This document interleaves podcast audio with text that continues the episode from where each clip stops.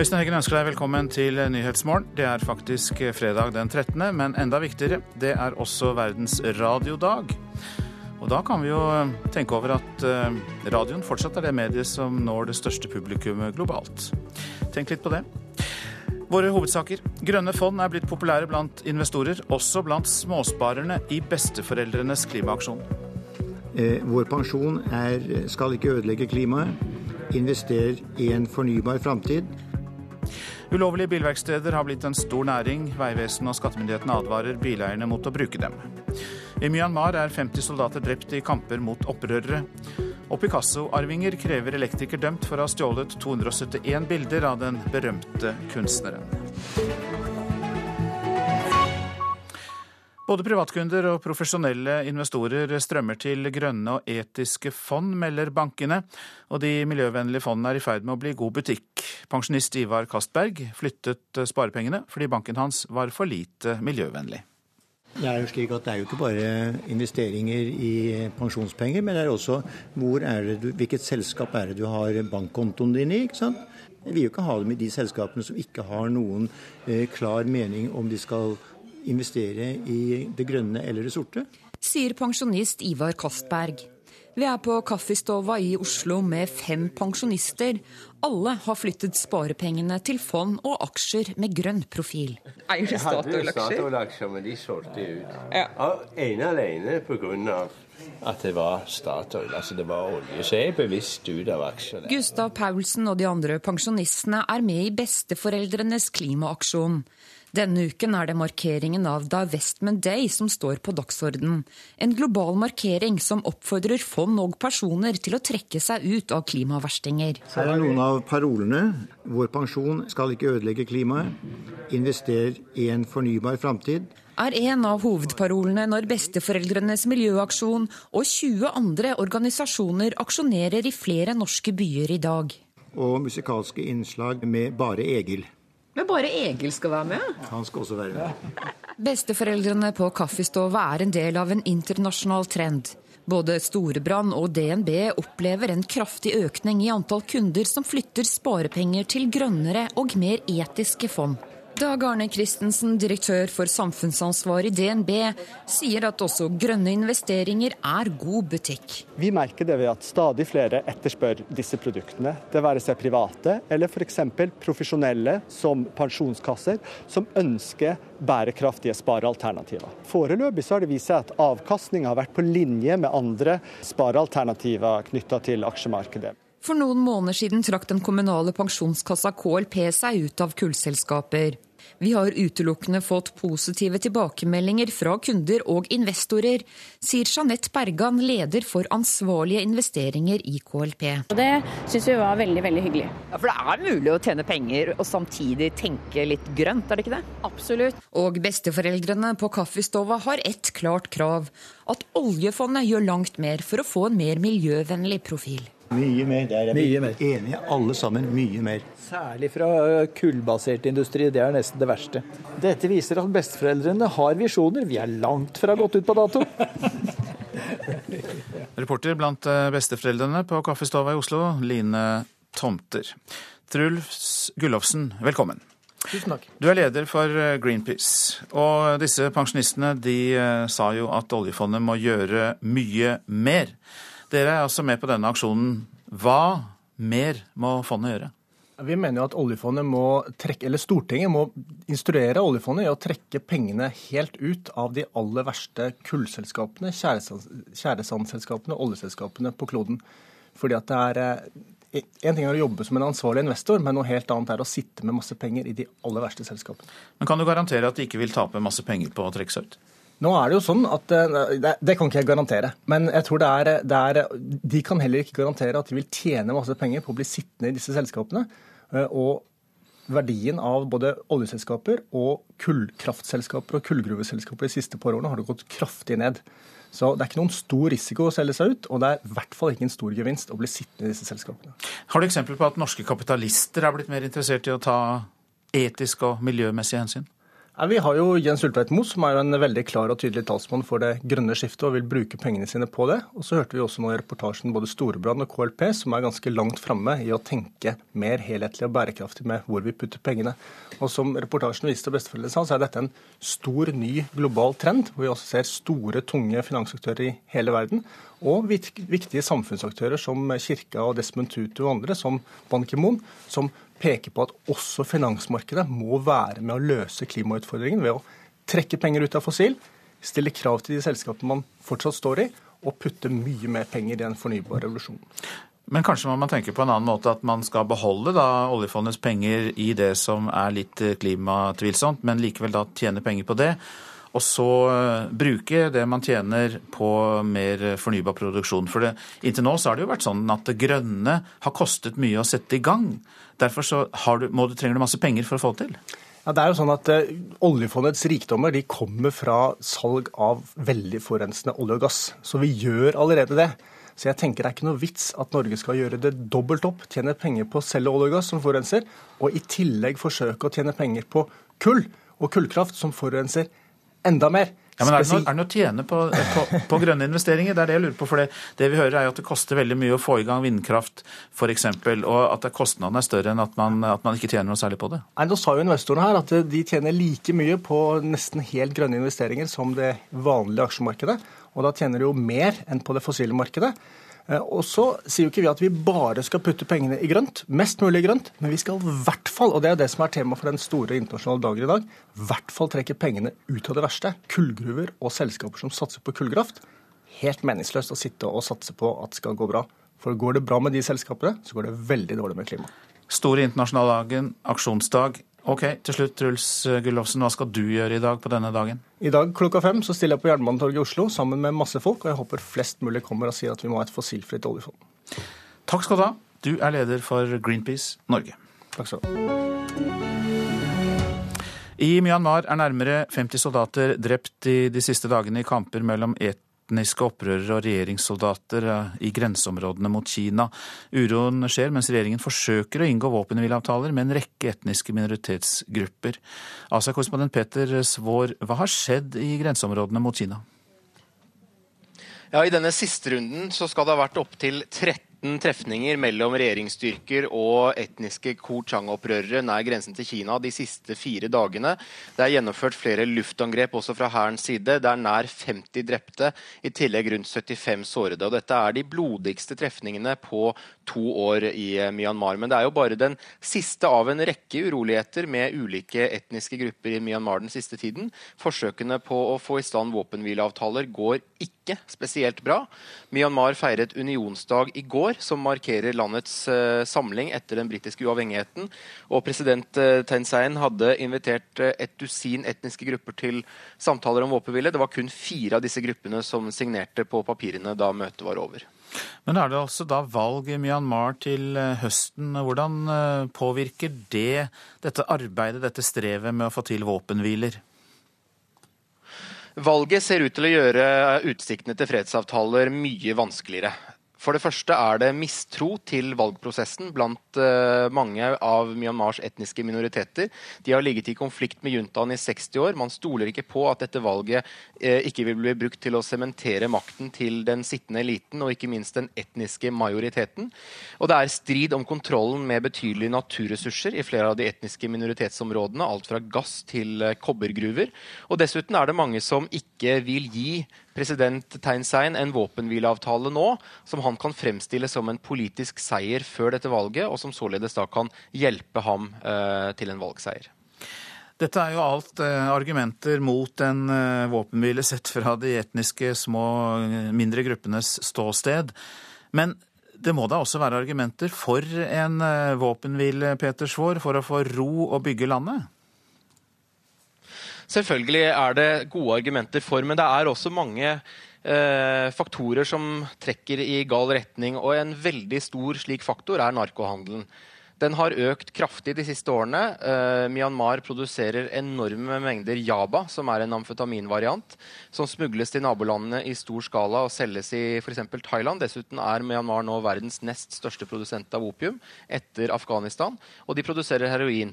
Og en fungerende fredsavtale kan true på mange måter den lovløsheten som gjør at produksjonen og smuglingen er mulig, og som både regjeringsstyrker og minoritetsgrupper mange steder har tjent store penger på, særlig i grenseområdene mot uh, India og Kina, og som for uh, minoritetsgruppene er en viktig innsatskilde uh, for in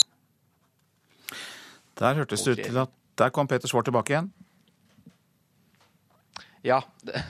Det, jeg skulle til å si, var altså at uh, denne narkohandelen er også viktig for mange av minoritetsgruppene som en inntektskilde for videre militær motstand mot regjeringen. Mange takk for at du opplyste oss om eh, dette i Myanmar, Asia-korrespondent Peter Svår. Hellas' statsminister Alexis Tsipras advarer om at hans regjering ikke vil la seg presse til å bryte løfter overfor velgerne for å løse konflikten med EU om statsgjelden. Hellas driver ikke med utpressing og vil heller ikke la seg utpresse, sa Tsipras etter EU-toppmøtet i Brussel torsdag. Greske myndigheter skal møte representanter for EU-kommisjonen og Den europeiske sentralbanken og IMF i dag. I eh, Tromsø er Europavei 8 stengt i Lavangsdalen etter at det gikk et snøras der i morges. En lastebil og en personbil ble sittende fast i raset, sier operasjonsleder Gjøran Bugge. De to personene som var involvert i de kjøretøyene som kjørte inn i raset, de er tatt hånd om og er i sikkerhet. Er det mistanke om at flere kan ha blitt eh, tatt av dette snøskredet i Lavangsdalen? Fra de opplysningene vi har og de vitneobservasjonene, så, eh, så, skal det ikke være flere kjøretøy i raset. Men eh, for sikkerhets skyld så går vi gjennom eh, med lavinehunder og sjekker. Vi legger til at opp mot 50 meter av E8 er nå dekket av to meter snø. E8 er hovedveien inn til Tromsø, og det er uklart når veien kan åpnes. Reporter her, Pia Tøhaug. Avisene hva har de på dagsordenen i dag? Først til Dagens Næringsliv. Bjørn Kjos er i luftkamp med Vladimir Putin, kan vi lese der. Norwegian påføres hvert år 100 millioner kroner i ekstrakostnader fordi selskapet ikke får lov til å fly over Russland. Nå ber Kjos norske myndigheter svare med samme mynt og stenge norsk luftrom for russiske fly. Ny metode redder slag- og hjertepasienter, skriver Dagbladet. Blodpropper fiskes ut av hjernen gjennom hovedpulsåren. Også eldre tåler metoden, og den gir bedre funksjon etter slag. En av fire kvinner vil bli soldat, viser en meningsmåling gjengitt i Stavanger Aftenblad. Interessen har økt fra 2009. Da var det bare én av ti kvinner som kunne tenke seg å gå inn i Forsvaret. Regjeringen vil at barnehager skal få lov til å kartlegge barn uten å be foreldrene om lov, skriver Bergens Tidende. Men forslaget om å tillate dokumentasjon av barnas utvikling møter motstand blant både foreldre og barnehageansatte, samt Datatilsynet. Sentralbanksjefen advarer Siv Jensen og ber om at oljekranene blir skrudd igjen. Det kan vi lese på Aftenpostens forside. Toppen er nådd, statsbudsjettet må ikke lenger smøres med friske oljepenger, mener Øystein Olsen. Et eh, mislykket eh, politiprosjekt i Kristiansand og omegnskommunene kan vi lese om i Federlandsvennen. Kriminelle gjengangere skulle fort bak murene for å få tallet på forbrytelser ned, men politiets egen evaluering viser at det i stedet har blitt flere grove tyverier, innbrudd i biler og nasking. Ny asylfloke for Anders Anundsen, skriver Klassekampen. Denne uka nektet Afghanistan å ta imot en mor og to barn som ble tvangsreturnert fra Norge. Nå ber afghanske myndigheter om en norsk delegasjon til Kabul for selv å se hvordan forholdene er der. Skjør fredsavtale for Ukraina etter 17 timer med forhandlinger, skriver Dagsavisen. Det er høyst usikkert om våpenhvilen vil holde. Bibel mot fattigdom kan vi lese om i Vårt Land. Forlaget Verbum har markert med gult alle 3000 vers i Bibelen som handler om fattigdom og rettferdighet. Boken kan nok oppfattes som politisk, sier forlagssjef Anne Weitberg. Økonomisk smell for kyllingbønder er oppslag i Nasjonen. Salget av kylling stuper, og bøndene må kutte produksjonen. Mange taper opp mot 150 000 kroner. Kun eh, tre poeng skiller de fire øverste lagene i herrenes eliteserie i håndball. Bodø-spiller Børge Lund drømmer om tidenes beste plassering noensinne for hans lag i en eh, nervepirrende innspurt. For min del så stikker det jo litt ekstra inn i det med, med eierskap og følelser i, i, i, den jobben her. Onsdag ble det ettmålseier mot Elverum for Bodø. Godt å komme tilbake på det, på det vinnersporet. Fem runder gjenstår. Bodø har aldri vært bedre enn nummer tre i serien. Hvis vi nå har muligheten til å klatre noen, eh, noen hakk opp på tabellen før serien er ferdig, så skal vi absolutt prøve å ta den sjansen. NRKs håndballekspert Øystein Havang levner både en liten sjanse Nei, De er en outsider. De er nok sultne og vil definitivt eh, forbedre den plasseringen eh, de har fra før av. Så, så, en mulighet har de absolutt, og hadde jo vært fantastisk moro for eh, regionen. Selv tror Havang på et annet lag i innspurten. Altså, jeg holder en, faktisk en liten knapp på, på Hasle med den uh, mesterskapserfaringa de har i forhold til at de har tatt noen seriegull tidligere og, og vet hva som skal til. Børge Lund tror marginene vil avgjøre tenker jeg det blir litt sånn eh, hvem, hvem, har, eh, hvem har, flyten inn i, i, de siste fem rundene, og hvem har mest friske spillere tilgjengelig. Og reporter var Patrick Steen Rowlands. Om få sekunder er klokka 6.46. Dette er hovedsaker i Nyhetsmorgen. Både privatkunder og profesjonelle investorer strømmer til grønne og etiske fond. Den internasjonale fossilfriaksjonen har eh, sin spesielle aksjonsdag i dag. Ulovlige bilverksteder har blitt en stor næring. Vegvesenet og skattemyndighetene advarer bileiere mot å bruke dem. Det skal vi snart høre mer om. I Myanmar er nærmere 50 soldater drept den siste tiden i kamper mot opprørere i grenseområdet nord mot Kina, opplyser statlige medier. Og Picasso-arvinger krever elektriker dømt for å ha stjålet 271 bilder av kunstneren. Mer om det også snart. Ja, Som vi nevnte så har ulovlige bilverksteder blitt en stor næring. Og eh, det er avdekket i mange kontroller, bl.a. i bergensområdet. Bruktbiler blir eh, i stort omfang reparert på uautoriserte verksteder og solgt videre til privatpersoner. Slike kjøp advarer nå både Vegvesenet og skattemyndighetene mot. Så denne bilen inne for å ta en kontroll. Sel Auto i Fyllingsdalen i Bergen.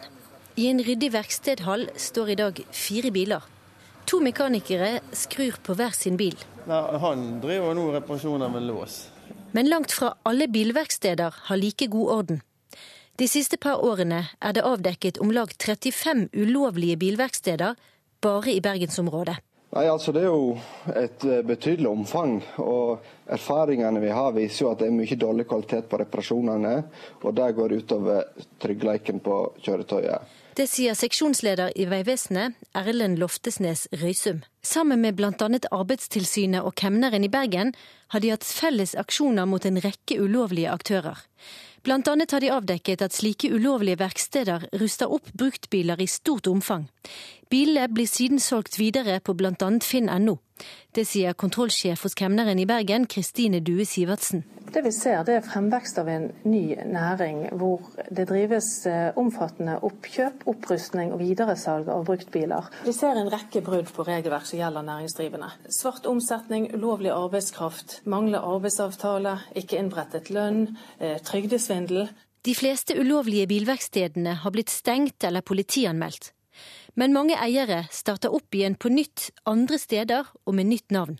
Nå advarer både Vegvesenet og kemneren bilkjøpere. Vi har jo ikke kjennskap til kompetansen eller utstyret av disse verkstedene, så vi kan ikke følge opp om eh, reparasjonene er utført forskriftsmessig eller ikke.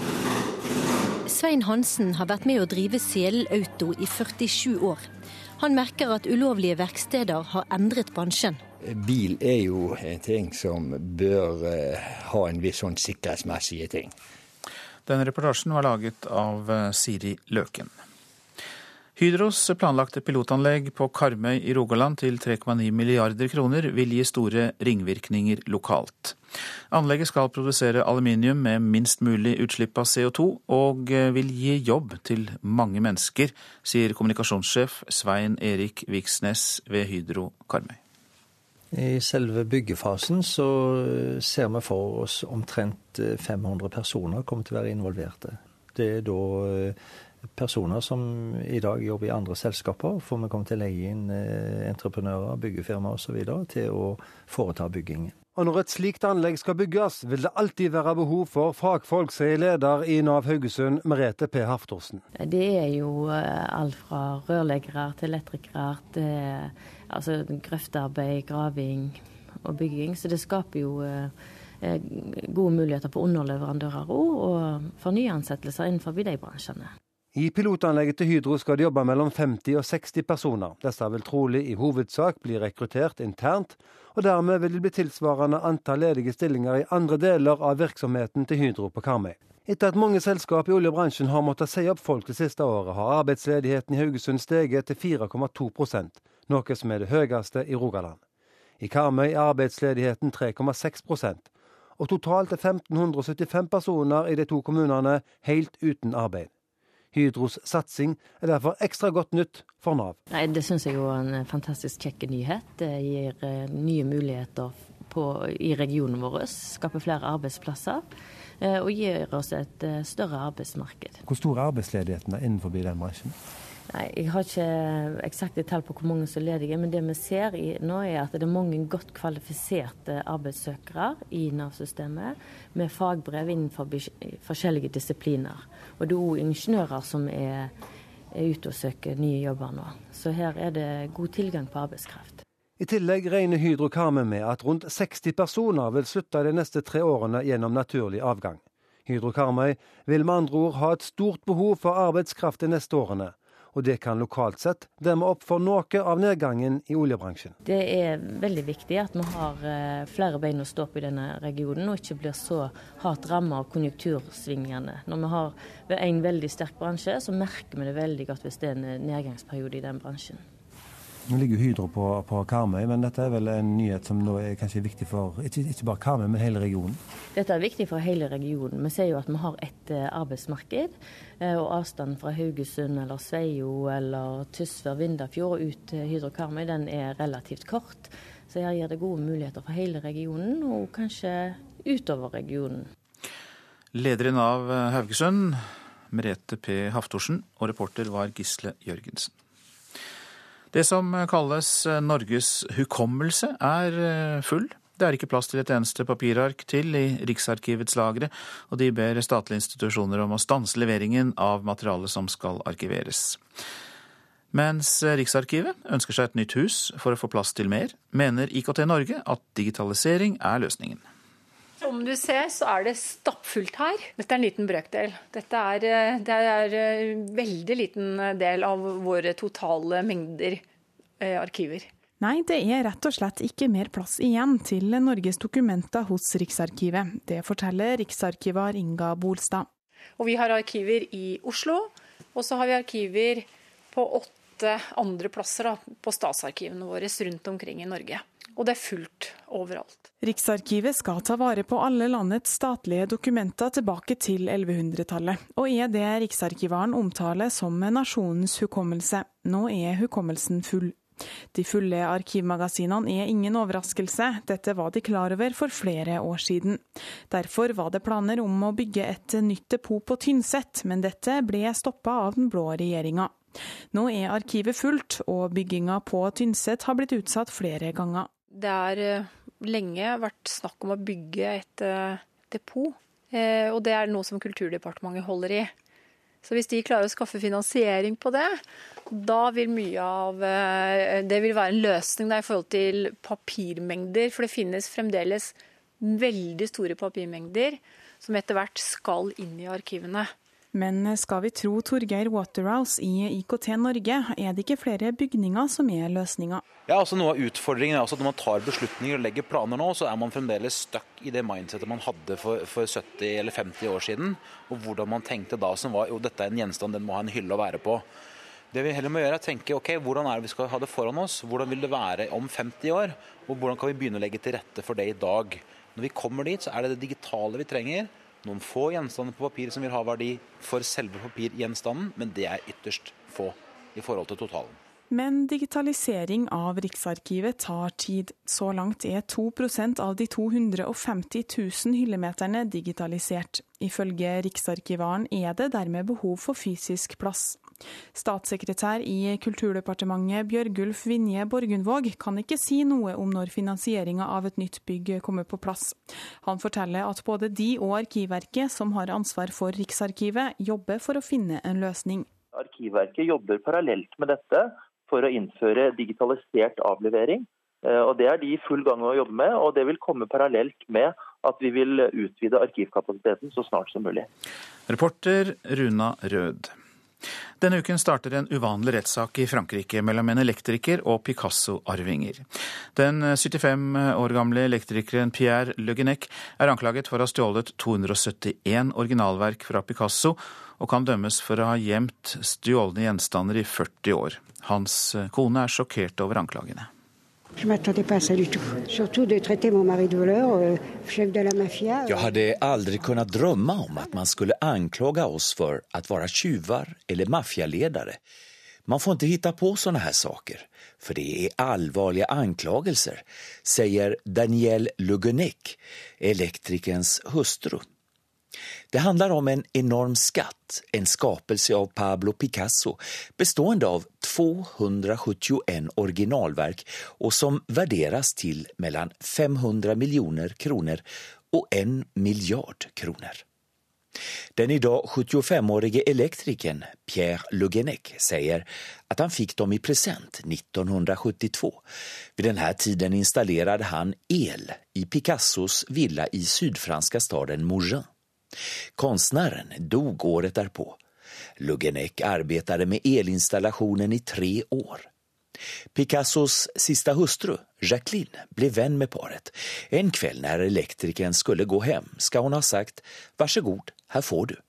Verken låg i en kartong, osorterade. Under närmare 40 år lät elektrikern Picasso-skatten ligga hemma i garaget. Till sitt försvar säger han att han inte hade en aning om att verken var så värdefulla. Picasso-familjen med sonen Claude Picasso i spetsen har gått till hård attack mot pensionärsparet och de anklagas nu för att ha stulit verken och sedan gömt dem i 40 år. Monsieur och Madame Lugunek risikerer nu upp till fem års fängelse. Maja Picasso, dotter till konstnären, tror dock inte på paret Le Guenec. J'en serais étonné, effaré, dérouté et je serais très triste que ces œuvres terminent encore dans un garage. Till riksradiokanalen France Info förklarar Maja Picasso att hon skulle bli mycket arg, äcklad och besviken om domstolen låter elektrikern fortsätta äga de 271 verken och om han sen låter dem ligga kvar i garaget. Reporter i Frankrike, Johan Tolljert. Værvarselet. Fjell i Sør-Norge skyet. Spredt snø i nord, ellers stort sett opphold. Østland og Telemark skyet. Litt regn og yr. Som snø kommer det fra Oslo og nordover, og i indre strøk av Telemark. Det kan bli lokal tåke eller lave tåkeskyer. Agder får også skyet vær. Regn og yr blir det etter hvert snø over 300 meter. Også der lokal tåke eller lave tåkeskyer. I kveld sørøstlig kuling på kysten vest for Lindesnes. Vestlandet sør for Stad. Sørlig liten kuling på kysten. Litt regn eller yr. Mest i ytre strøk. Snø over 400 meter.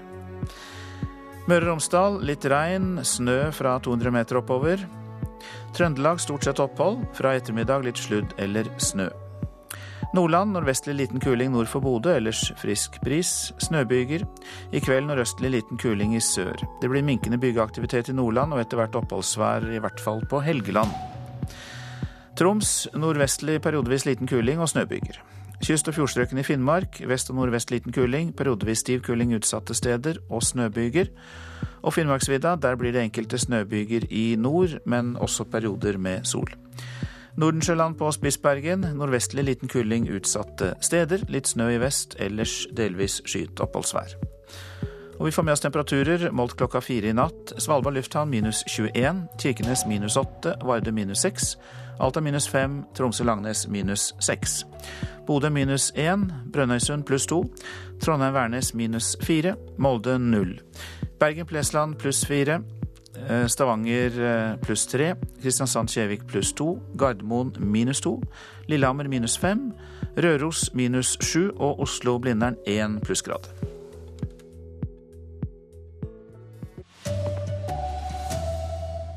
Hovedveien inn til Tromsø E8 er stengt pga. snøras. Tre kjøretøy sitter fast. I Myanmar er mange drept etter kamper nord i landet. Her er NRK Dagsnytt klokka sju. Europavei 8 i Tromsø er altså stengt i Lavangsdalen etter at det gikk et snøras over veien ved 4.30-tiden i dag. En personbil, et vogntog og en lastebil ble sittende fast i raset, men alle sjåførene har kommet seg ut. Og reporter Sveinung Åsali i Lavangsdalen, hva skjer der du er?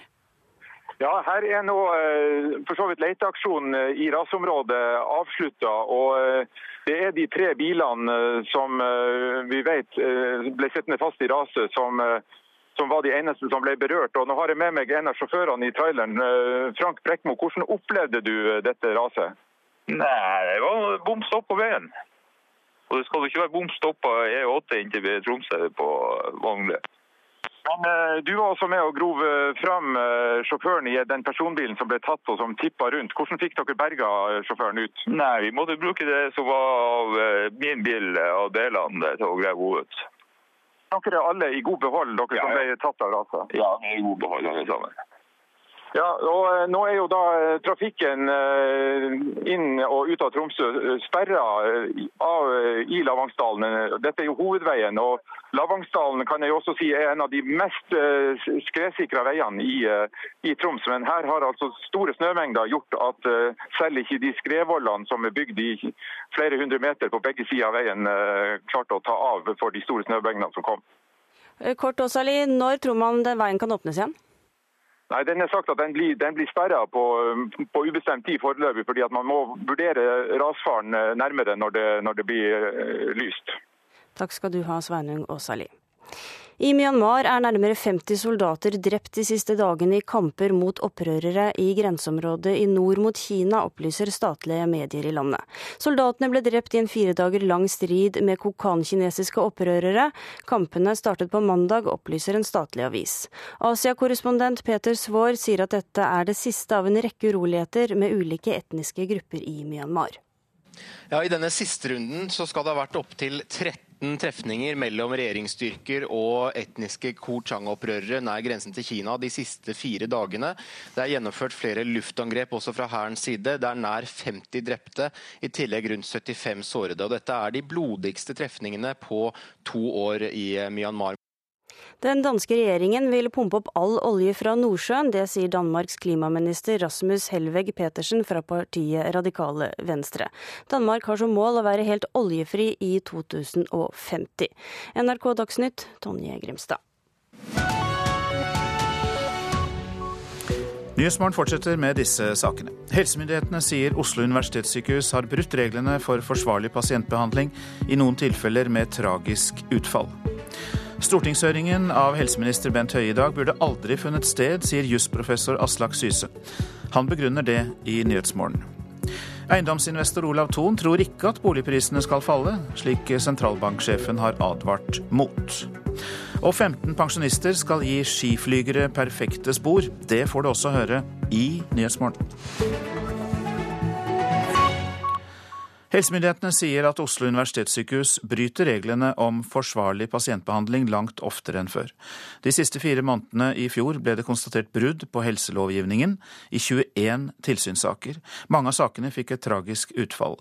Knut Fredrik Torne er generalsekretær i Norsk pasientforening.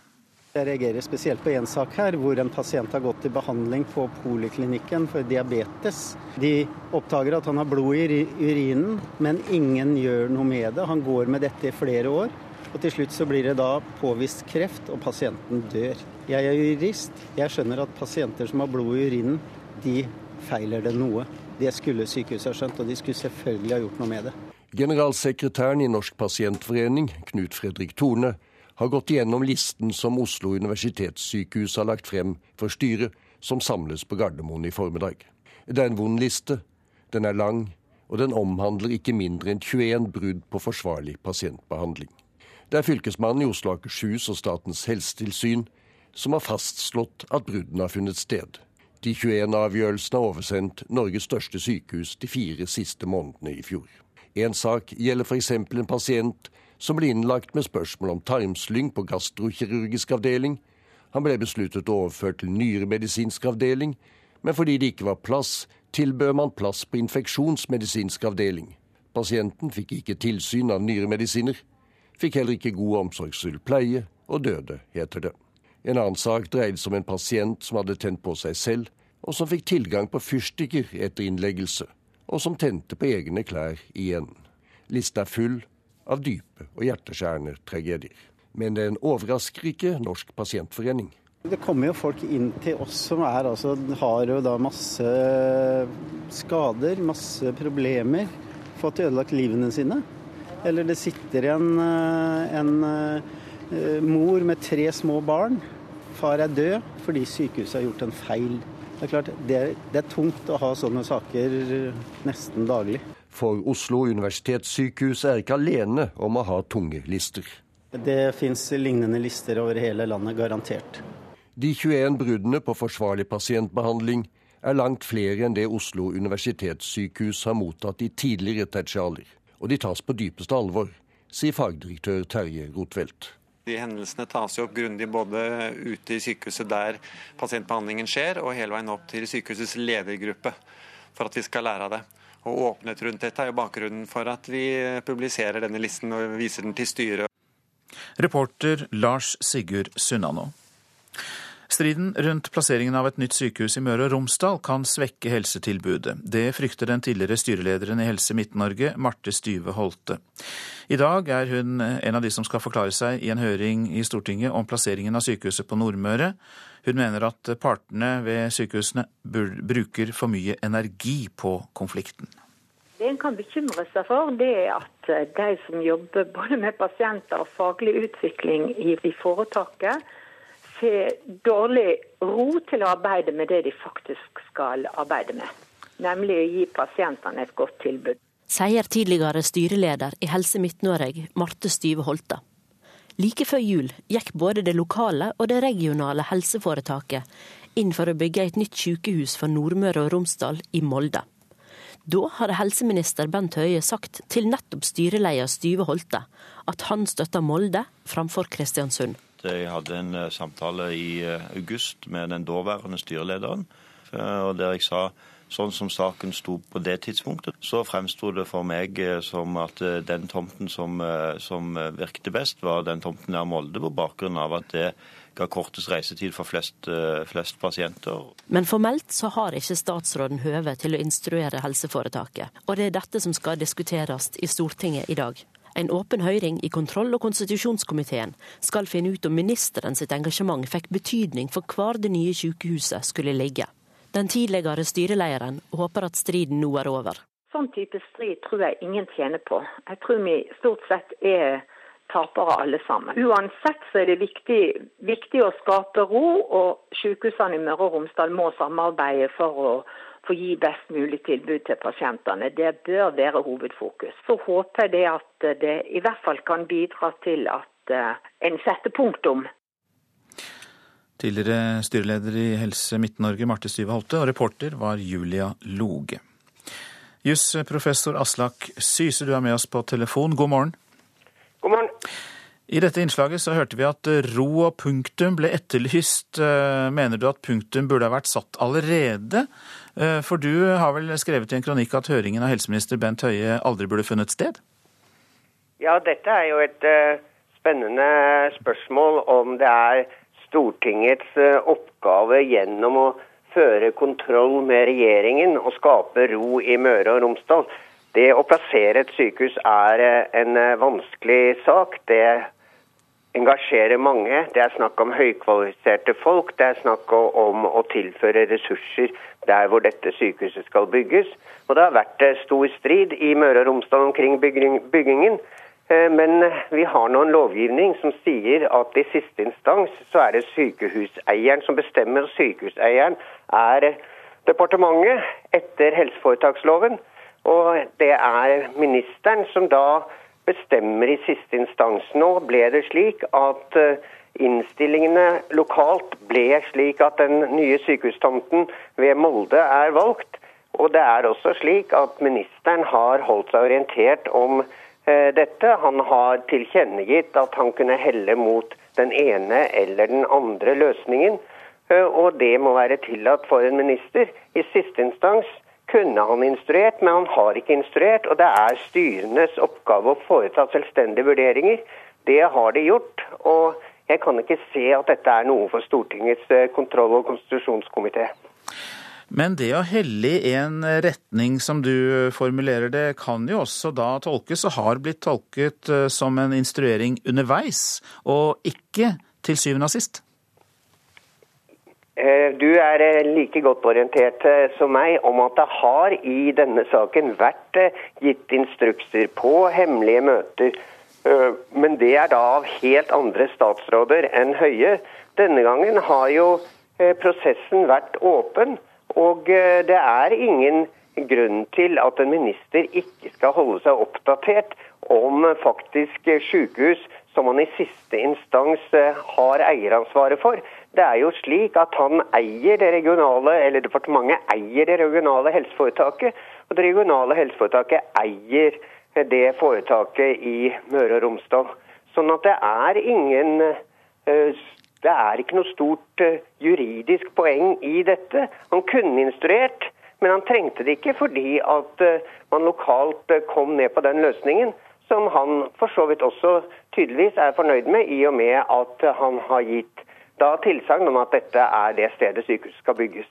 Altså Det er ikke noe juss i dette, det er masse distriktspolitikk.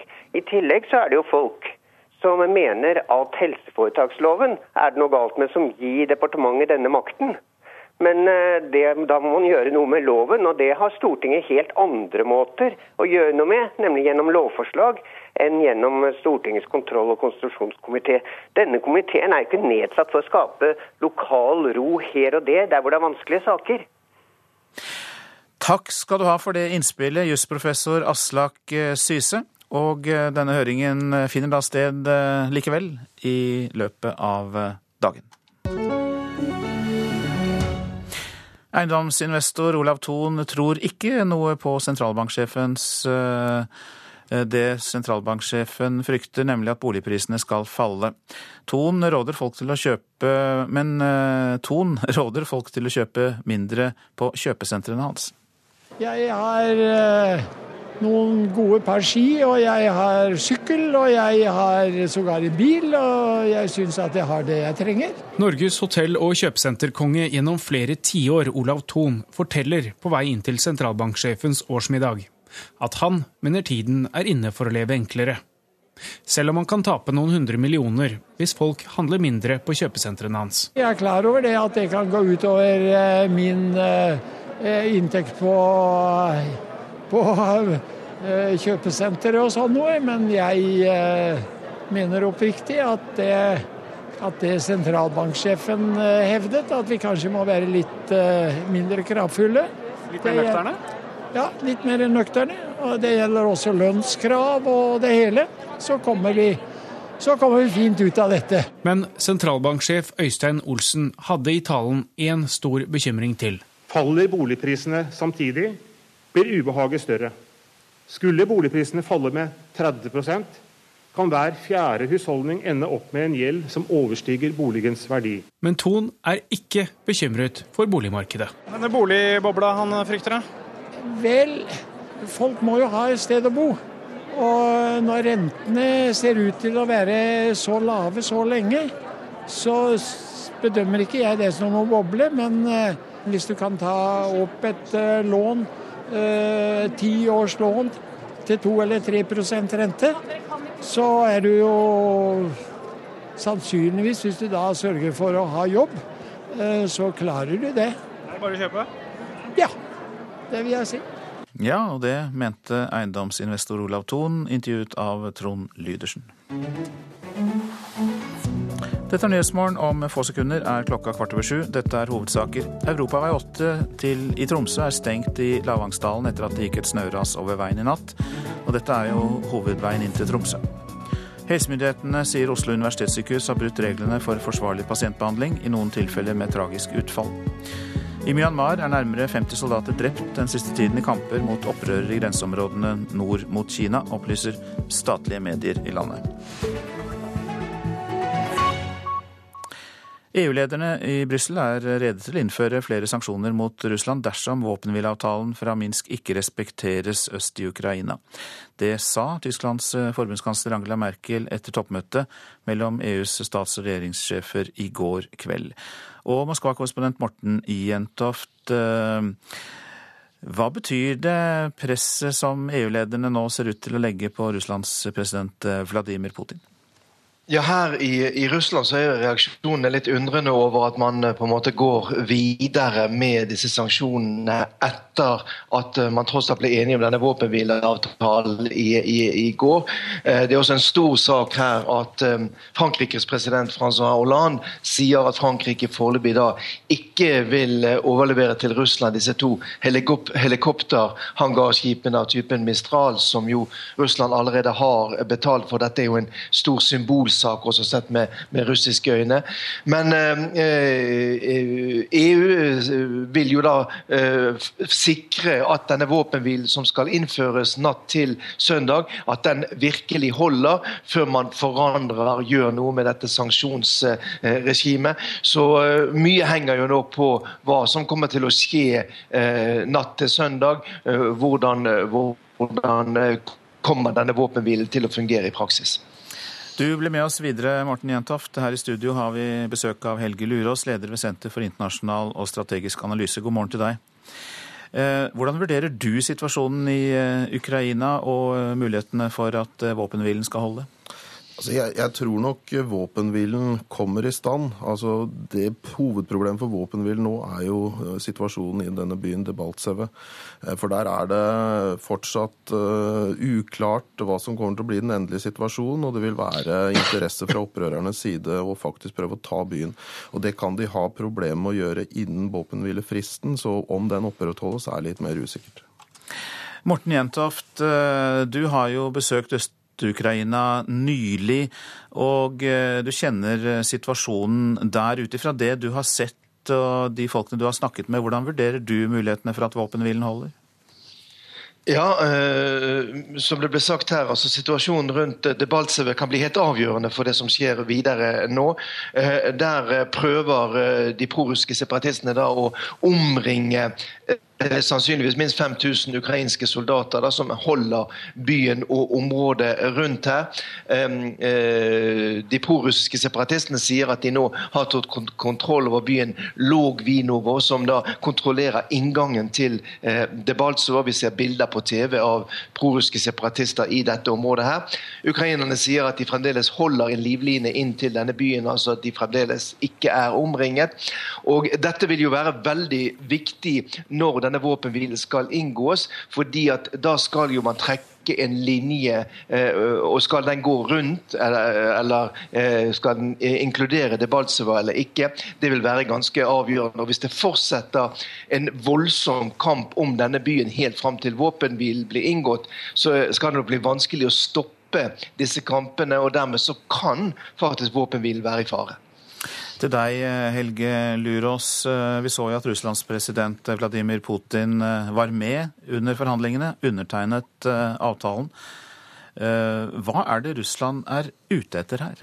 Jeg tror på lang sikt så er de ute etter å forhindre at Ukraina skal bli medlem egentlig både i, i Nato og og i EU, og, og, sånn sett effektivt sett ha en form for veto over ukrainsk utenriks- og sikkerhetspolitikk. Men eh, det er de langsiktige målsettingene som vi for så vidt vet at Russland har hatt over lang tid. For å nå dit så er de villige til å gå inn på en del kompromisser, for jeg tror ikke de er interessert i en full ut konfrontasjon med EU og Vesten pga. Ukraina heller. Nei, så de er interessert i kompromisser. Hvordan tror du da ja, Ukraina, men i og for seg også Frankrike og Tyskland, som har vært sterkt inn i disse forhandlingene, kan, ja, for å si det sånn, lokke fram kompromisser med Putin? Altså, Det ser jo ut som man fra vestlig side da mener at disse sanksjonene virker, og at det dermed er viktig å oppnå opprettholde trykket på sanksjonene og truslene om sanksjonene, og at det er det som vil lede eh, Putin til et, eh, et kompromiss eh, i denne saken. Og, og, Samtidig så prøver de da å få Ukraina og Porosjenko til å gå med på en god del innrømmelser, blir man jo heller ikke fra europeisk side er interessert i de økonomiske kostnadene som er forbundet med en sånn konfrontasjon med, med Russland. Men eh, dersom eh, disse punktene i avtalen, dersom vi blir fulgt opp, eh, dersom dette blir en vedvarende våpenhvile, det kan man jo selvfølgelig håpe på, vil det da bety slutten på denne konflikten øst i Ukraina, tror du, Luros? Det vil ikke bety slutten på hvert fall de politiske elementene av konflikten, for det er uavklart hvordan egentlig dette, disse områdene da skal styres, i hvilken grad de skal ha selvstyre. Og selv om det da er indikert her at Ukraina skal overta grens, altså kontrollen over grenseområdene mot Russland, som disse opprørerne har nå, mm. så er det noe jeg tror vil ligge langt inne for Putin å faktisk innrømme, fordi det vil gjøre det vanskelig å kalibrere hva skal jeg si, eh, motstand, opprøret, politiske motsetningen fra Øst-Ukraina inn mot Kiev senere. Mange takk skal du ha, Helge Lurås, leder ved Senter for internasjonal eh, og strategisk analyse, og vår korrespondent i Moskva, Morten Jentoft. Sør-Afrika nå, for der ble det fullt kaos i nasjonalforsamlingen da president Jakob Zuma skulle holde tale om rikets tilstand i går kveld. Dramaet startet da presidenten ble avbrutt etter få minutter inn i talen. And that no government can justly Madam claim Speaker, authority I rise in terms of unless it is based can on the will of all the people. President Zuma hadde ikke snakket lenge før en opposisjonsleder i rød kjeledress avbrøt ham. Julius Malema er leder for de venstre-radikale Economic Freedom Fighters, og kjeledressen er et symbol på partiets sympati med arbeiderklassen. When is the money being paid by EFT, cash Malema er opptatt av presidentens pengebruk, og ville ha svar på om Zuma vil tilbakebetale over 100 millioner kroner som har gått til oppussing av hans private palass. Men Malema fikk motstand fra lederen for parlamentet, Baleka Mbete, som i anledningen stilte med en gul og sort hatt pyntet med fjær. Order, members. Order! De to sto steilt mot hverandre, og til slutt ba embetet opposisjonslederen om å forlate salen. Honorable Malema, I now have to ask that you leave the chamber. Det ville ikke Malema, og dermed gjorde parlamentets leder noe drastisk. Hun kalte på sikkerhetsstyrkene, som kastet ut de venstre-radikale. I will ask now the sergeant at arms to assist Det fikk lederen for det største opposisjonspartiet Democratic Alliance til å reagere. Vi kan ikke ha politi i parlamentet, sa Musumi Maiman, og tok med seg hele partiet og forlot salen i protest. Dermed var det bare en halvfull sal igjen med ANC-medlemmer, som til slutt kunne høre presidenten tale. Let me start where I was interrupted from. Mm. ja, disse inntrykkene fra parlamentet i Sør-Afrika fikk vi fra korrespondent Kristine Presttun. Så til uh, avisene. Bjørn Kjos er i luftkamp med Vladimir Putin, kan vi lese i Dagens Næringsliv. Norwegian påføres hvert år 100 millioner kroner i ekstrakostnader fordi selskapet ikke får lov til å fly over Russland. Nå ber Kjos norske myndigheter svare med samme mynt og stenge norsk luftrom for russiske fly. Ny metode redder slag- og hjertepasienter, skriver Dagbladet. Blodpropper fiskes ut av hjernen gjennom hovedpulsåren. Også eldre tåler denne metoden, og den gir bedre funksjon etter slag. En av fire kvinner vil bli soldat, viser en meningsmåling gjengitt i Stavanger Aftenblad. Interessen har økt fra 2009. Da var det bare én av ti kvinner som kunne tenkt seg å gå inn i Forsvaret. Regjeringen vil at barnehager skal få lov til å kartlegge barn uten å be foreldre om lov, skriver Bergens Tidende. Men forslaget om å tillate dokumentasjon av barnas utvikling møter motstand blant både foreldre og barnehageansatte, samt Datatilsynet. Sentralbanksjefen advarer Siv Jensen og ber om at oljekranene blir skrudd igjen, kan vi lese i Aftenposten. Toppen er nådd, statsbudsjettet må ikke lenger smøres med friske oljepenger, mener Øystein Olsen. Et eh, mislykket politiprosjekt i Kristiansand og omegnskommunene kan vi lese om i Fedrelandsvennen.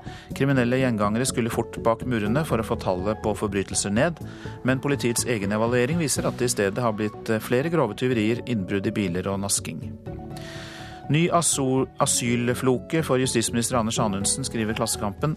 Denne uka nektet Afghanistan å ta imot en mor og to barn som ble tvangsreturnert fra Norge. Nå ber afghanske myndigheter om en norsk delegasjon til Kabul for selv å se hvordan forholdene er der. Skjør fredsavtale for Ukraina etter 17 timer med forhandlinger, skriver Dagsavisen på sin forside. Det er høyst usikkert om våpenhvilen vil holde, skriver avisa. Bibel mot fattigdom kan vi lese i Vårt Land. Forlaget Verbum har markert med gult alle 3000 vers i Bibelen som omhandler fattigdom og rettferdighet. Boken kan nok oppfattes som politisk, sier forlagssjef Anne Weitberg. Økonomisk smell for kyllingbønder er oppslag i Nasjonen. Salget av kylling stuper, og bøndene må kutte produksjonen. Og mange av bøndene taper opp mot 150 000 kroner. 15 pensjonerte skiløpere er hemmeligheten bak gode spor for verdens beste skiflygere denne helgen. Skiflygerne møtes til verdenscup i Vikersundbakken i Buskerud, og is fra den lokale skøytebanen på Furumo er en viktig ingrediens i pensjonistenes arbeid. Dette er kunstsnø, eller isavskjær fra Furumo skøytebane. Som vi har eh, lagt her, og så vanner vi. Og så er det kjøleelementer under, og så blir det is. Ja, hvordan fant dere på dette, da? Nei, det veit jeg ikke. Det er ikke meg som har vunnet på. Men er du fornøyd når du ser på dette nå? Det er fint. Det er fint, syns ikke du òg? jo! Det er jo millimeterpresisjon her. Ja, det er det. Det er helt fantastisk. Du, hva, hva, skal den vogna nå? Nå skal den vogna oppover ja, et stykke, ja. for der er noen småfeil. Så tar og lapper det med ja. sånn isselv. Skal du bli med, da? eller? Hopp på. Å, hjelp. Ja, jeg gjør det.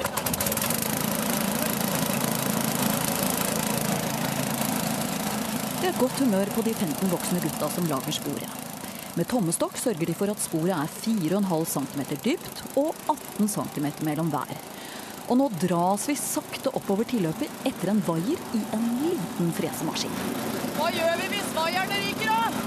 Hva? Hva gjør vi hvis vaierne ryker? Da hopper vi til sida. Så enkelt, altså. Og mens vi sitter der midt i tilløpet, freser fresen opp spora som verdens beste skiflygere skal bruke.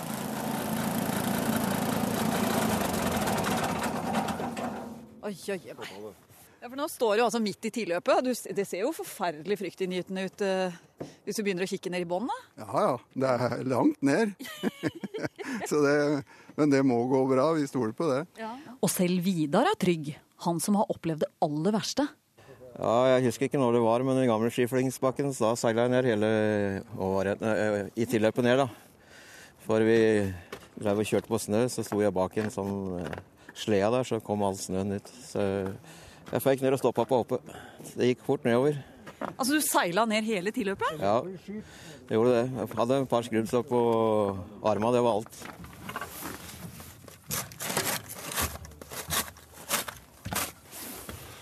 Mens Johan og Endre lapper hull, feier Terje sporet. Alt må nemlig være helt perfekt. Det ser veldig bra ut. Det er helt topp.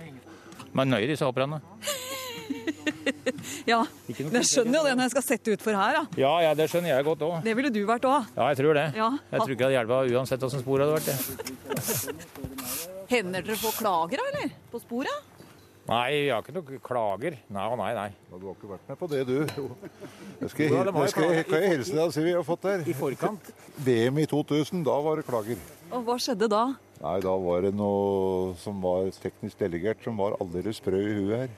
De fant jo på så mye rart at det Ja, Da hadde du jobba til ingen nytte? Ja, ja, ja. De klagde på sporet da, eller? Ja, ja, ja. ja. De klagde på alt som det var mulig å klage på. Ja. Tror dere på verdensrekord, da, eller? Ja, det gjør vi. Ja. Vi tror vi alltid det. Ja? Ja, ja. Nei, hvis du klarer 250, så må jo det være kjempemessig. Ja. Reporter i Vikersund, Karoline Bekkelund Hauge. Du lytter til Nyhetsmorgen. Produsent i dag, Kari Bekken Larsen. Her i studio, Øystein Heggen. En popsanger fra Taiwan har satt en engelsk småby på hodet. Mer om de snodige hendelsene i Selby i reportasjen etter Dagsnytt.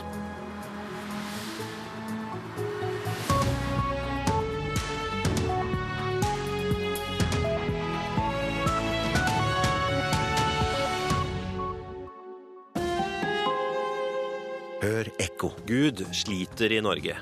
Noen ateister blir litt trist triste av det. Det som har gitt livsmening for generasjoner og generasjoner av mine forfedre, at, at det liksom på en måte stopper med meg, da. Det syns jeg er litt trist. Men hva skjer når presten gir ateisten en utfordring? Be mye i to uker. Og hva skjer når presten må leve som ateist? Ekko 9 11 i NRK P2. Flere pasienter enn før har fått uforsvarlig behandling ved Oslo universitetssykehus. Det mener helsemyndighetene. Ulovlige bilverksteder har blitt et økende problem. Det kan føre til utrygge biler, advarer Vegvesenet. Hotell- og kjøpesentereieren Olav Thon oppfordrer folk til å bruke mindre penger. Her er NRK Dagsnytt klokka 7.30. Oslo universitetssykehus har brutt reglene for forsvarlig pasientbehandling langt oftere enn før. Det er konklusjonen fra Statens helsetilsyn. De siste fire månedene i fjor ble det konstatert brudd på helselovgivningen i 21 tilsynssaker. Flere av sakene førte til at pasienter døde. Generalsekretær i Norsk pasientforening, Knut Fredrik Torne, mener det er kritikkverdig. Jeg reagerer spesielt på én sak her, hvor en pasient har gått til behandling på poliklinikken for diabetes. De oppdager at han har blod i urinen, men ingen gjør noe med det. Han går med dette i flere år. Og Til slutt så blir det da påvist kreft, og pasienten dør. Generalsekretæren i Norsk pasientforening, Knut Fredrik Thorne, har gått igjennom listen som Oslo universitetssykehus har lagt frem for styret, som samles på Gardermoen i formiddag. Den omhandler ikke mindre enn 21 brudd på forsvarlig pasientbehandling. Det er Fylkesmannen i Oslo og Akershus og Statens helsetilsyn som har fastslått at bruddene har funnet sted. De 21 avgjørelsene har oversendt Norges største sykehus de fire siste månedene i fjor. Lista er full av dype og hjerteskjærende tragedier. Men den overrasker ikke Norsk pasientforening. Det kommer jo folk inn til oss som er, altså, har jo da masse skader, masse problemer, fått ødelagt livene sine. Eller det sitter en, eh, en eh, mor med tre små barn. Far er død fordi sykehuset har gjort en feil. Det er klart, det er, det er tungt å ha sånne saker nesten daglig. For Oslo universitetssykehus er ikke alene om å ha tunge lister. Det fins lignende lister over hele landet, garantert.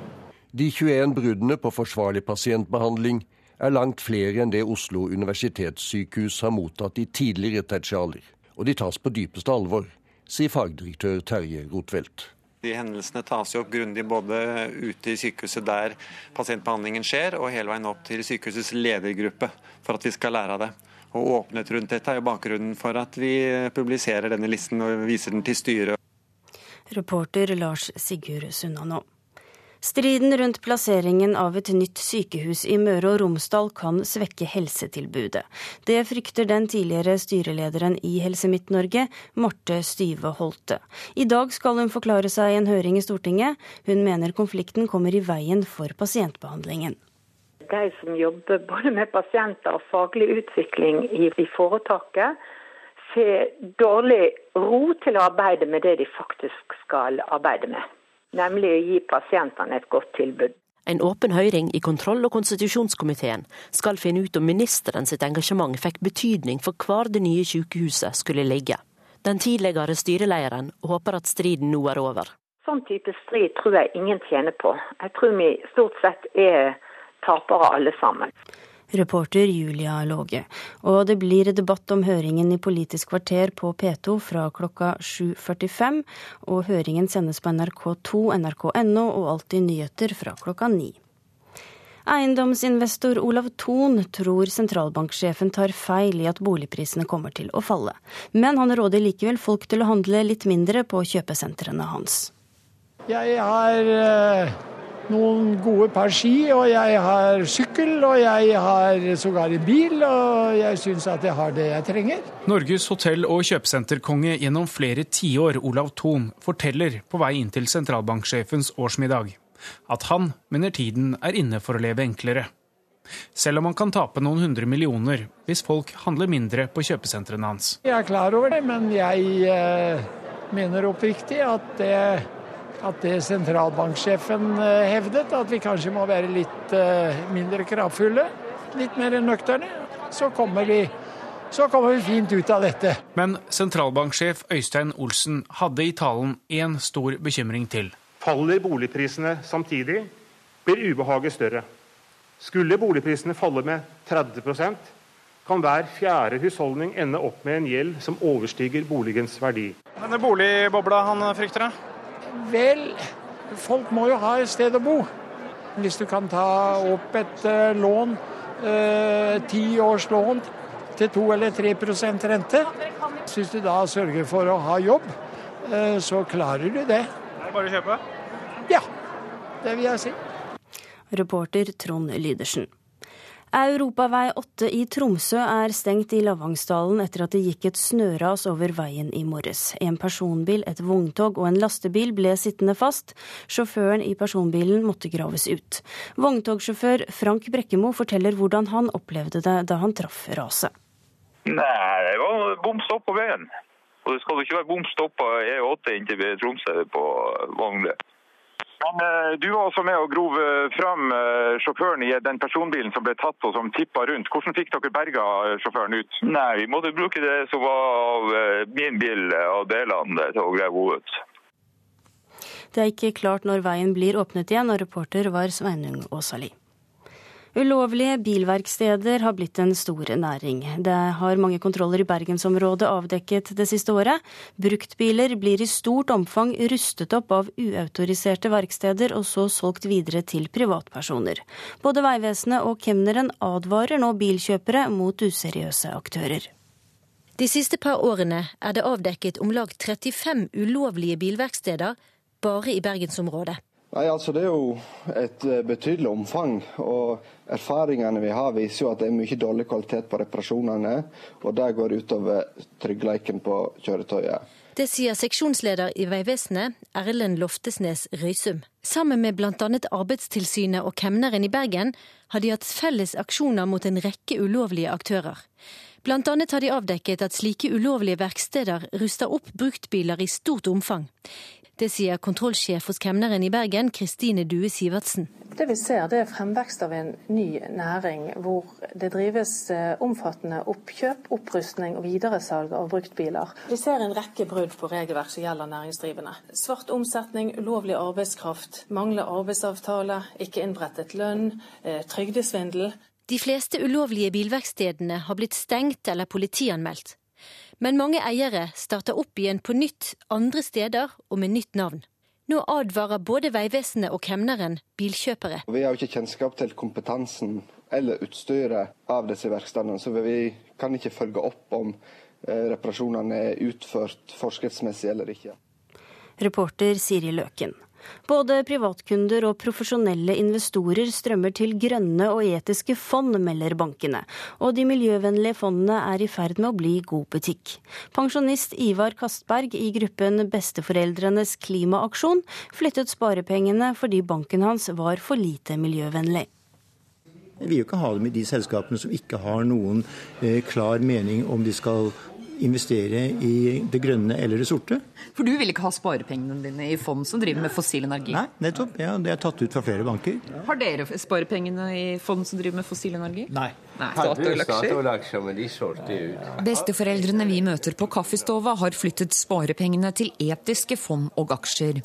Selskaper som driver med oljesand og kull er på verstinglista til de fem pensjonistene som har meldt seg inn i besteforeldrenes klimaaksjon.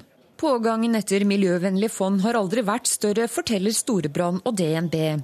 Og etiske investeringer er i ferd med å bli god butikk, forteller Dag Arne Christensen, direktør for samfunnsansvar i DNB. Vi merker det ved at stadig flere etterspør disse produktene. Det være seg private eller f.eks. profesjonelle som pensjonskasser, som ønsker bærekraftige sparealternativer. I dag er besteforeldrenes klimaaksjon medarrangør for Divestment Day. En global bevegelse som oppfordrer til miljøvennlige investeringer. Her er noen av parolene. Det blir markering i Oslo sentrum og parole om at oljefondet må trekke seg ut av klimaverstinger. Særlig fra kullbasert industri. Det er nesten det verste. Reporter Line Tomter. Landets største mediekonsern avsluttet fjoråret med et underskudd på over 100 millioner kroner. I fjerde kvartal legger Skipsted fram et driftsunderskudd på 52 millioner kroner. Det er betydelig svakere enn på samme tid i fjor, da tilsvarende resultat var på nesten 1 milliard kroner i pluss. VG og Aftenbladet ga stabile inntekter på nett, men avisene har opplevd motvind for papirutgaven. Ansvarlig for sendingen Gro Arneberg. Teknisk ansvarlig var Lars Tronsmoen, og i studio satt Tonje Grimstad.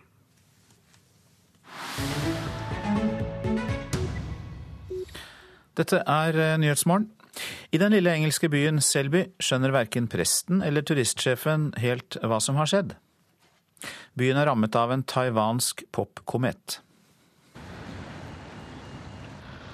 Bilene ruller rolig gjennom en ganske typisk og ganske søvnig småby i Yorkshire. Selby ligger ved elven Os og ble grunnlagt da en fransk munk i 1069 fikk et kall om å reise en kirke på stedet. Det som i dag er Selby Abbey. The uh, abbey here was founded in 1069 by a monk from France called Benedict. Munken Benedikt fikk en visjon hjemme i Auxerre i Frankrike om å bygge en kirke og etablere et kloster i Selby. Et sted ikke bare han, men de fleste i England aldri hadde hørt om. Foruten den praktfulle høyreiste klosterkirken har Selby skoler, et lokalt sykehus og ligger nær en gruve som fremdeles er i drift. Få andre enn byens egne 13 000 innbyggere har noensinne lagt merke til hva som skjer i Selby. Det var inntil denne mannen gjorde sin entré.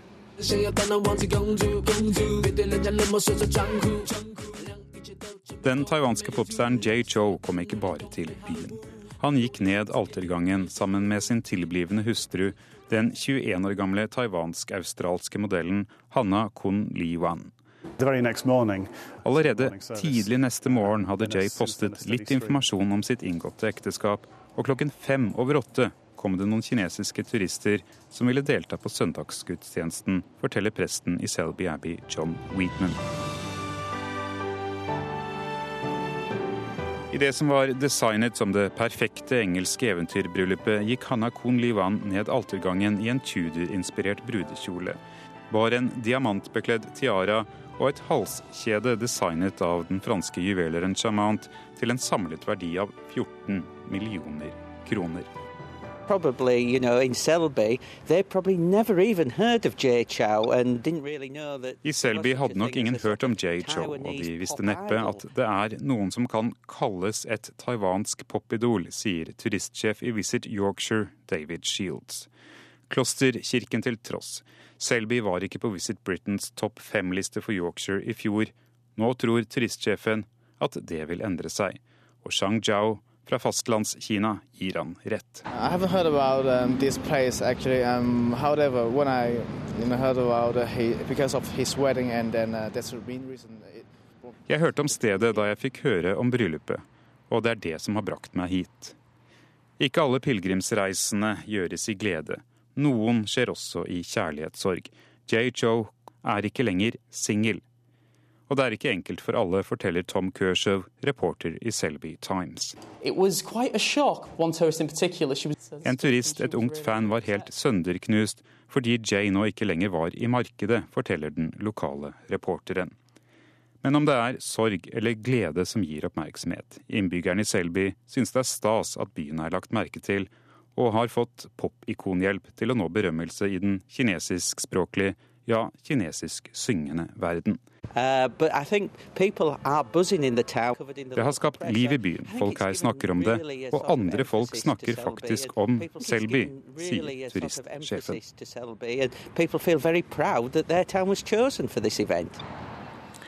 Og det var utenriksmedarbeider Philip Lote som fortalte oss om det merkverdige som hadde skjedd i Selby. Dette er Nyhetsmorgen, dette er overskrifter. Flere pasienter enn før har fått uforsvarlig behandling ved Oslo universitetssykehus. Det mener helsemyndighetene. Ulovlige bilverksteder har blitt et økende problem. Det kan føre til utrygge biler, advarer Vegvesenet. Eiendomsinvestor Olav Thon tror sentralbanksjefen tar feil når han frykter at boligprisene kommer til å falle. Europavei 8 i Tromsø er stengt i Lavangsdalen etter at det gikk et snøras over veien i natt. Dette er hovedveien inn mot Tromsø sørfra. I Myanmar er 47 soldater drept denne uken i kamper mot opprørere i grenseområdet nord mot Kina. Det opplyser statlige medier i Myanmar. Og før vi setter over til Politisk kvarter, minner vi om nettstedet radio.nrk.no, altså radio.nrk.no, der du kan høre alle NRKs radiokanaler. Nå gir vi ordet videre til Håvard Grønli, programleder i Politisk kvarter.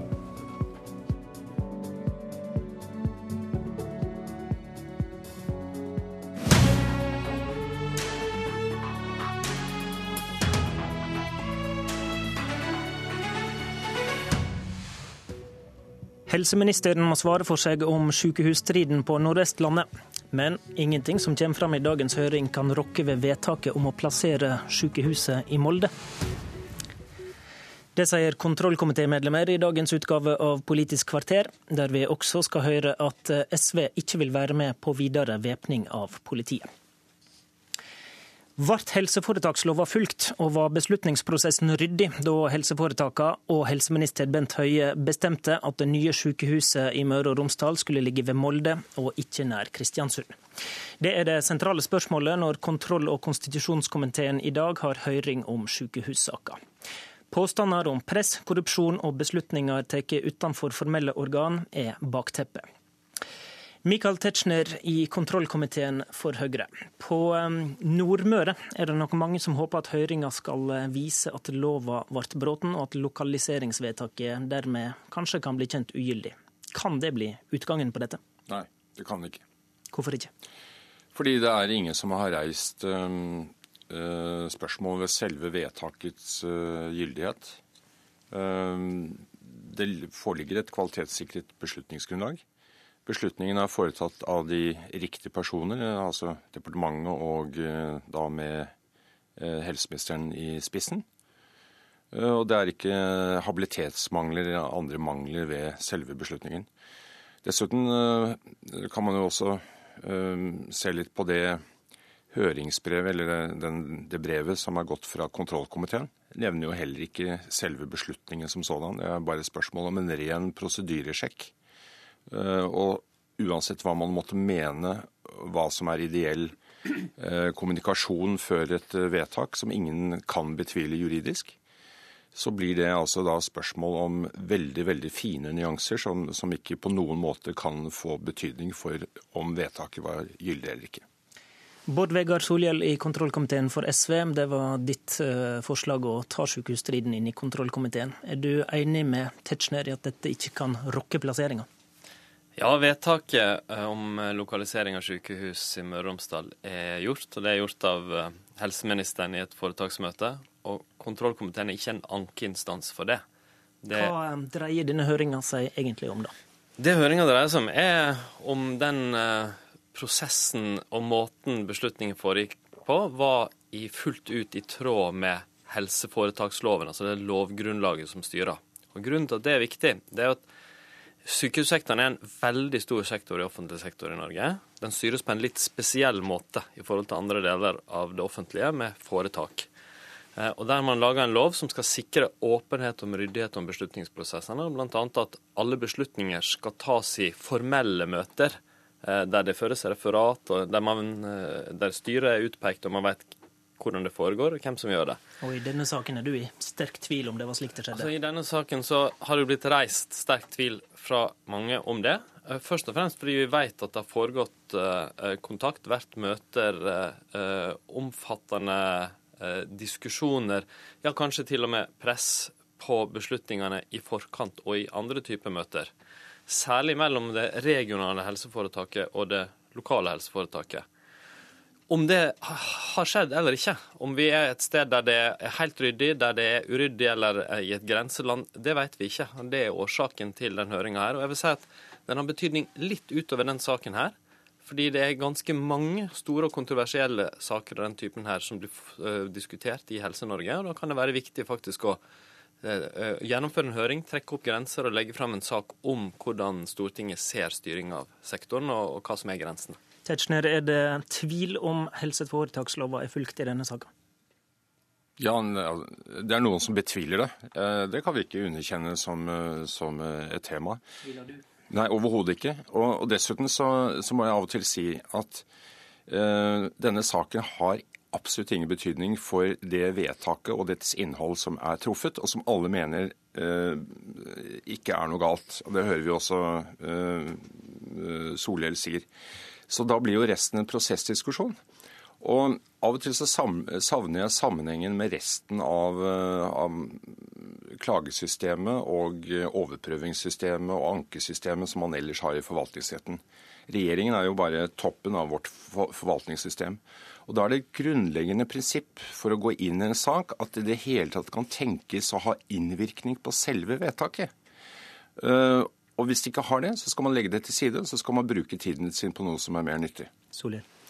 Det synes jeg er et veldig overraskende synspunkt fra Tetzschner. For det kontrollkomiteen skal gjøre, det er jo å jobbe med at uh, de vedtak som har blitt fatta i Stortinget, blir fulgt opp på en riktig måte. Lover, budsjetter osv. Uh, og at Stortinget informeres korrekt.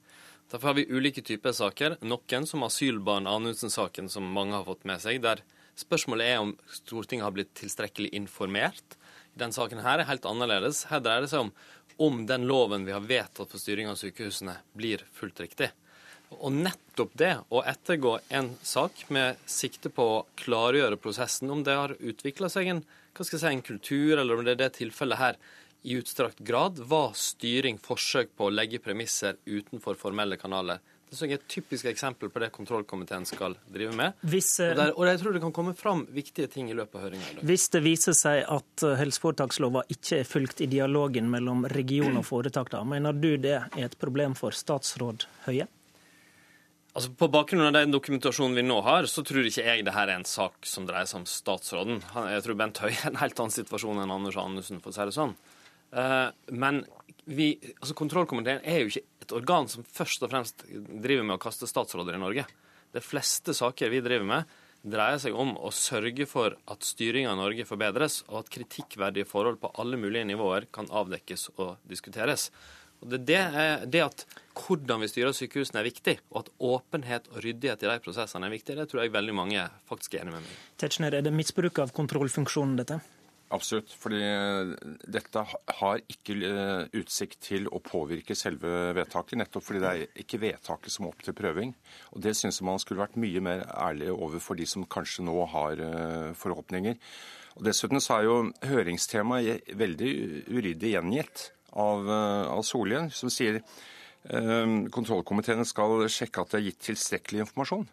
Eh, jo, det var akkurat det jeg noterte. Eh, og, og, og, og, Noen vil jo mene at du aldri får nok informasjon, særlig hvis man ikke er handlingsrettet, men ønsker å drive Norge som om det var et evigvarende seminar.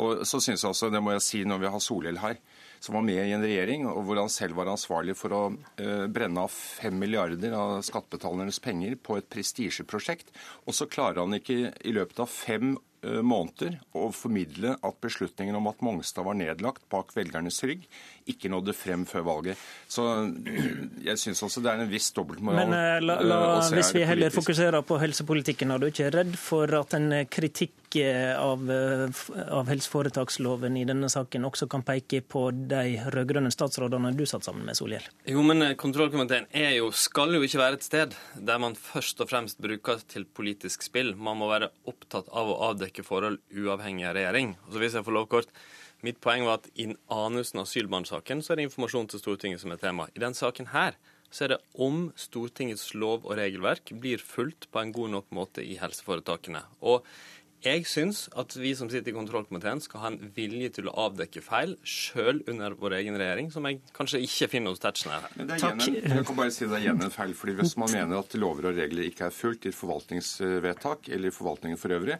så kan man angripe det gjennom vanlige klagemuligheter uten å bruke kontrollkomiteens tid. Takk for debatten.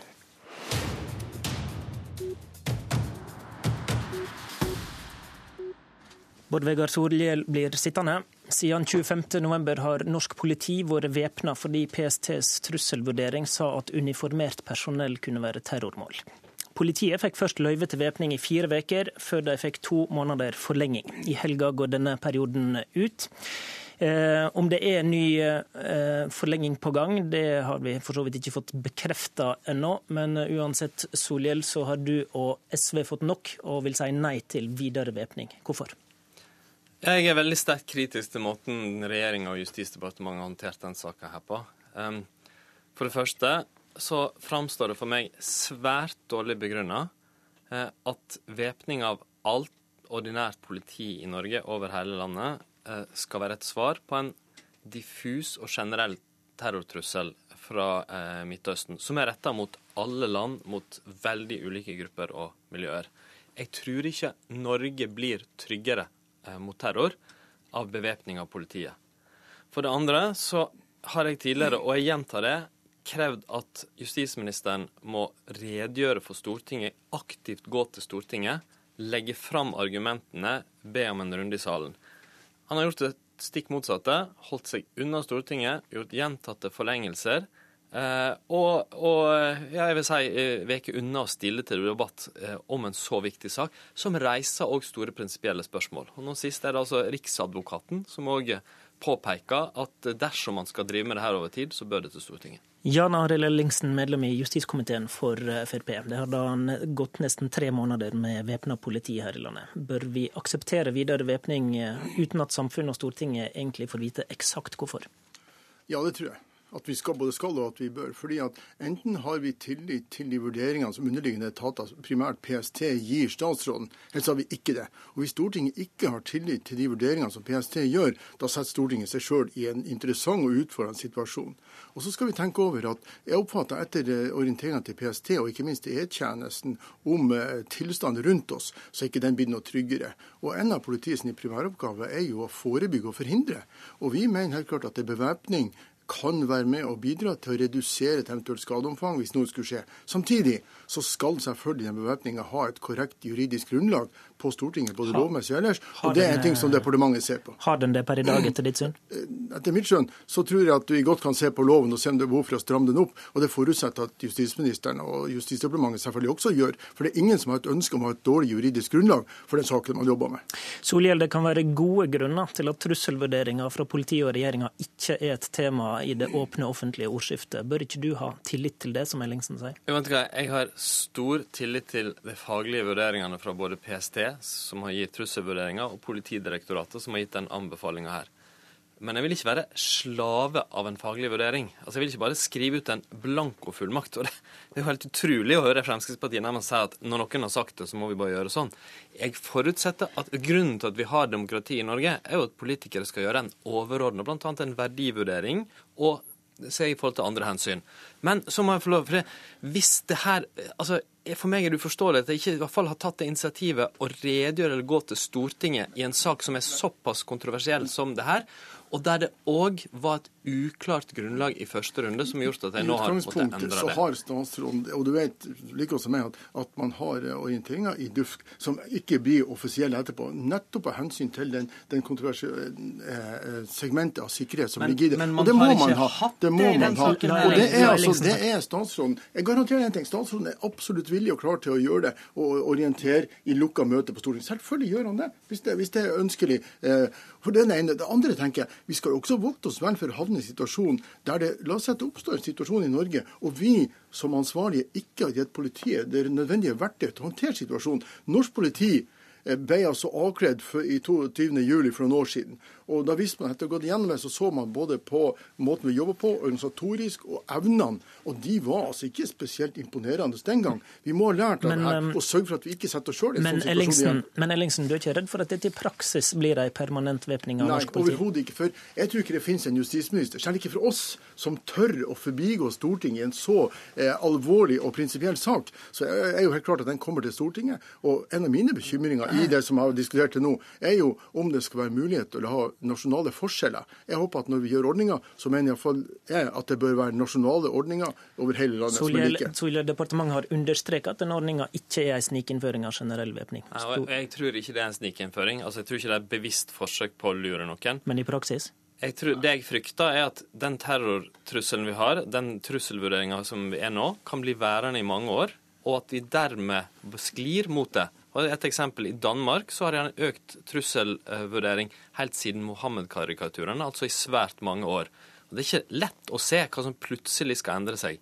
Så må jeg bare få lov til å si den saken her har jo ikke vært i det hemmelige organet utvida utenrikskomité på Stortinget, og den har ikke vært i åpen sal i Stortinget. Så hvis Fremskrittspartiet og regjeringa var opptatt av å informere og skape debatt, så kunne de be om å få redegjøre åpent eller lukka. Ellingsen, kort til slutt. Det kommer ikke til å være en, en statsråd en justisminister fra Fremskrittspartiet som kommer til å snikinnføre generell bevæpning i Norge. Det er en altfor prinsipiell og viktig debatt til det, og der skal Stortinget selvfølgelig høres og lyttes til på alle mulige måter. Vi får se om Justisdepartementet sier noe om forlenging i løpet av dagen. Dette var Politisk kvarter, i studio Håvard Grønli.